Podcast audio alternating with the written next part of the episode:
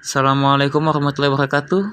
Salam kebajikan, namo budayo, Om Shanti Shanti Om.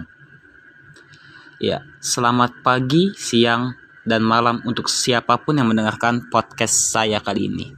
Sebelumnya saya ingin mengenalkan diri. Nama saya Muhammad Desaji Pamungkas, status masih pelajar, dan insya Allah besok PTN. Amin. ya, kali ini saya ingin membahas tentang uh, materi yang sebenarnya diberikan oleh guru mata pelajaran biologi di sekolah saya tentang HGP HGP yaitu Human Genome Project atau di Indonesianya Proyek Genom Manusia. Nah, sebelumnya udah tahu belum sih apa itu HGP HGP?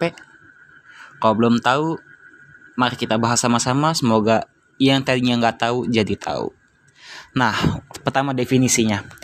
Proyek Genom Manusia adalah proyek penelitian ilmiah internasional dengan tujuan menentukan pasangan basa yang membentuk DNA manusia dan mengidentifikasi serta memetakan semua gen genom manusia dari sudut pandang fisik dan fungsional. Dan ini menjadi proyek biologis kolaboratif terbesar di dunia. Jadi untuk melakukan proyek biologis ini banyak negara-negara di dunia yang berkolaborasi untuk mendapatkan hasilnya. Kemudian hmm, proyek genom manusia ini proyek yang dikerjakan selama 13 tahun lamanya dimulai tahun 1990 Berarti dari 1990 sampai 13 tahun ke depan kurang lebih sekitar sampai 2003. Nah, tujuan awalnya itu menentukan urutan DNA dari seluruh genom manusia ekromatik dalam waktu 15 tahun. Kemudian pada 1996 seorang peraih Nobel bernama Walter Gilbert mengatakan, hasil dari proyek genom manusia akan menghasilkan perubahan besar dalam cara kita melakukan pengobatan dan dalam menyelesaikan permasalahan penyakit manusia. Pada tahun 2000 eh dari pernyataan Walter Gilbert itu, jadi hasil dari proyek ini itu dapat mengubah atau menemukan cara baru untuk melakukan atau menyelesaikan bukan melakukan ya, menyelesaikan permasalahan penyakit manusia. Jadi ada cara baru yang mungkin lebih mutakhir, lebih mujarab atau mungkin lebih efisien. Nah, kemudian pada tahun 2000 Francis Collins yang saat itu menjabat sebagai kepala proyek HGP di National Institute of Health memperkirakan mungkin dalam 15 atau 20 tahun lagi Anda akan melihat transformasi penuh dalam pengobatan terapeutik. Terapeutik. Kemudian pada tahun yang sama pula, yaitu pada tahun 2000, Presiden Amerika Bill Clinton menyatakan proyek genom manusia akan merevolusi diagnosis, pencegahan, dan pengobatan sebagai bes sebagian besar penyakit manusia. Meski tidak semuanya, tapi sebagian besarnya dapat berubah. Ini pernyataan Presiden Bill Clinton ini sama kayak pernyataan Abang Walter Gilbert tadi ya. Jadi dari proyek ini kemungkinan akan mengubah merevolusi cara manusia atau cara kita untuk mendiagnosis, mencegah atau mengobati suatu penyakit yang mungkin sebelumnya masih kurang efisien atau masih kurang mutakhir lah dalam pengobatannya. Kemudian eh, sebenarnya terus sampailah pada tahun 2020 sekarang ini, tapi sayangnya nggak ada satupun orang yang membawa kartu genom. Dokter biasanya tidak memeriksa DNA untuk mendiagnosis atau merawat Anda. Mengapa? Seperti kayak yang tadi dijelasin di Journal of Neurogenetics, penyebab penyakit-penyakit umum itu kompleks. Jadi mereka biasanya tidak dapat diselesaikan dengan perawatan genetik yang sederhana. Jadi kalau penyakitnya kompleks, perawatan genetiknya juga otomatis kompleks. Meski ada harapan hal itu menjadi solusi atau malah kebalikannya, bukannya solusi, malah buntung.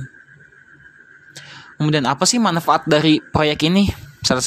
Beberapa kan tadi yang kayak sudah saya jelaskan tadi yaitu untuk merevolusi diagnos merevolusi cara kita mendiagnosis, mencegah atau mengobati sebagian besar penyakit meski tidak semuanya. Nah, ada lagi nih fungsi dari proyek genom manusia ini Nah, proyek genom manusia melalui sequencing DNA dapat membantu kita memahami penyakit termasuk genotipe virus tertentu untuk mengarahkan pengobatan yang tepat. Jadi genotipe virusnya diarahin kira-kira pengobatan yang lebih tepatnya itu apa yang lebih detailnya. Kemudian ada identifikasi mutasi yang terkait dengan berbagai berbagai bentuk kanker. Karena kan penyakit kanker masih menjadi penyakit yang uh, menyebabkan kematian ya karena penanganannya itu kadang telat, kadang juga udah terlanjur telat juga sama, kadang juga emang udah parah banget dan kadang juga sampai kadang beberapa rumah sakit ada yang nggak menyediakan alat atau iya alat sih untuk melawan kanker ini. Jadi kasihan pasien itu harus dioper-oper ke rumah sakit yang lebih memadai, lebih mumpuni alatnya. Kemudian ada desain pengobatan dan predik, prediksi efeknya yang lebih akurat. Jadi sama kayak yang tadi dinyatain oleh Abang Walter Gilbert sama Presiden Bill Clinton. Desain pengobatan sama prediksi efeknya itu bakal lebih akurat. Jadi kira-kira dari obat segini efeknya gimana sih? dari obat segini efeknya gimana? Nah itu dia. Jadi lebih akurat lagi. Jadi pasiennya nggak perlu sampai yang kadang kan ada tuh salah diagnosis salah obat. Kasihan kan. Biaya juga. Ekonomi ujung-ujungnya.